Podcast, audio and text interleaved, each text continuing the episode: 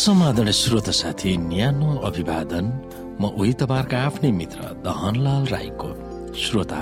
आज म तपाईँको बीचमा बाइबल सन्देश लिएर आएको छु। आजको बाइबल सन्देशको शीर्षक रहेको छ रक्षक र उद्धारक।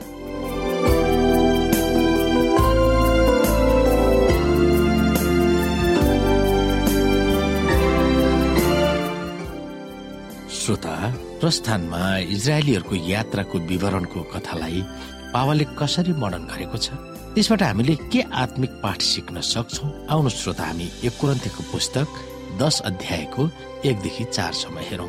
भाइ हो तिमीहरूले यो कुरा जान भनी म चाहन्छु कि हाम्रा पुर्खाहरू सबै बादल मुनि थिए र सबै समुद्रको बीचबाट भएर गए अनि मोसामा तिनीहरू सबैले बादल र समुद्रमा बत्तिसमा पाएका थिए।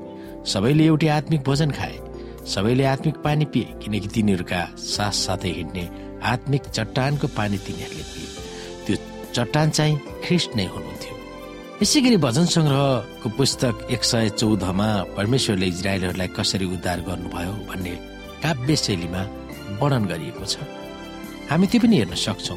जब इजरायल मिश्र देशबाट आए तब याकुबको घरना पराई भाषा बोल्ने मानिसहरूका बीचमा निस्केर आए। तब यहुदा परमप्रभुको पवित्र स्थान र इसरायल उहाँको राज्य भयो। यो देखेर समुद्र भाग्यो हेर्दा नदी उल्टो बग्न लाग्यो।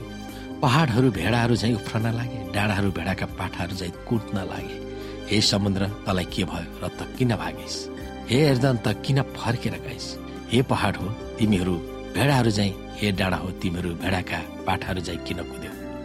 हे पृथ्वी समुद्रको सामान्य याकुबका परमेश्वरको सामान्य थर थरी हौ। जसले चट्टानलाई पानीको तालमा र ढुङ्गेनी पहाडलाई पानीको स्रोतमा परिवर्तन गर्नुभयो। स्रोत साथी इजरायलीहरूलाई मिश्र देशको बन्धनबाट परमेश्वरले गर्नुभएको उद्धारको बयान काव्य शैलीमा गरेको मार्मिक र अचम्मको छ पुरानो करार भरि होस् या नयाँ करारमा होस् परमेश्वरले आफ्ना इसरायली जनहरूलाई गर्नुभएको उद्धार उहाँको शक्ति प्रदर्शनको चित्रणको रूपमा लिएको छ। पावलले कोरन्थीमा परमेश्वरको शक्तिको गुणगान गर्दछन्। वर्तमान परिप्रेक्ष्यमा त्यो कथा प्रतीकको रूपमा लिन्छ। यस ख्रिसबाट पाउने मुक्तिलाई त्यस कथा प्रतीकको रूपमा लिएको छ। परमेश्वरले आफू सृष्टिकर्ता हुनुभएको हैसियतले आफ्नो सार्वभौम शक्ति प्रयोग गर्नु भएर उहाँका जनहरूलाई उद्धार गर्नुभएको चित्रण भजन सङ्ग्रह एक सय चौधमा व्यक्त गरिएको छ। उहाँको शक्ति प्रकृतिमाथि पनि छ र प्रकृतिलाई नै प्रयोग गर्नु भएर उहाँका जनहरूलाई उद्धार गर्नुभएको थियो। इजरायलीहरू प्रतिज्ञा गरिएको देशमा यात्रा गरिरहेको समयमा तिनीहरूले सामना गर्नुपर्ने सामु यर्दन नदी पहाड र डाँडाहरूको काव्य शैलीमा गरिएको चित्रणले प्राकृतिक र मानव शक्तिहरू इजरायलीहरूको विरुद्धमा खडा भएका थिए। व्यवस्थाको पुस्तक एक अध्यायको चौवालिस यहसीको पुस्तक तीन अध्यायको चौधदेखि सत्र सार्वभौम परमेश्वर ती सबै तत्त्वहरूमाथि शक्ति भएको त्यस भजनमा चित्रण गर्दछ। स्वर्गको एरुसलेममा यात्रा गर्दा परमेश्वरका जनहरूले अनेकौं खतराहरूको सामना जहिले र जहाँ पनि गरिरहेका थिए र छन् पनि। परमेश्वरका जनहरू पहाडहरू भन्दा माथि स्वर्ग र पृथ्वीका सृष्टिकर्तातिर नजर राख्दै अघि बढ्नुपर्छ भनेर भजन सङ्ग्रहका लेखकहरूले आह्वान गर्दछन्। एक दिन यसुले समुद्रमा आँधीलाई शान्त गर्नुभएको कथा भजन सङ्ग्रहको पुस्तक एक सय चौध अध्यायले हाम्रो दिमागलाई कब्जा गर्न सहयोग गर्दछ। चर्च डराउनु पर्दैन भनेर यसुले घोषणा गर्नुभएको बताउँदछ। सारा संसारलाई उहाँले जित्नु भएको थियो। योना सोह्र अध्यायको तेत्तिस पद त्यसले गर्दा उहाँका जनहरू संसारका गतिविधिहरूसँग डराउनु पर्दैन। आफ्ना जनहरूको निम्ति परमेश्वरले गर्नुभएको कामले उहाँको उपस्थितिमा सारा पृथ्वी नै काम्नु पर्दछ।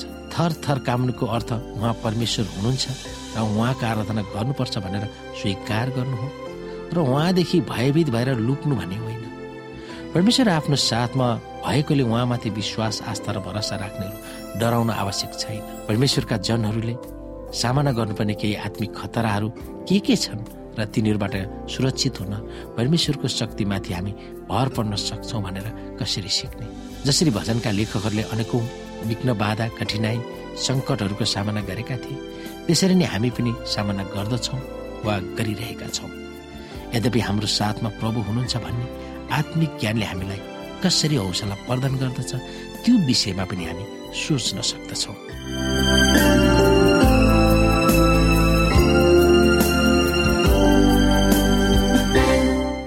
श्रोता साथी आजको लागि बाइबल सन्देश यति नै। हस्त नमस्ते जय मसिंह।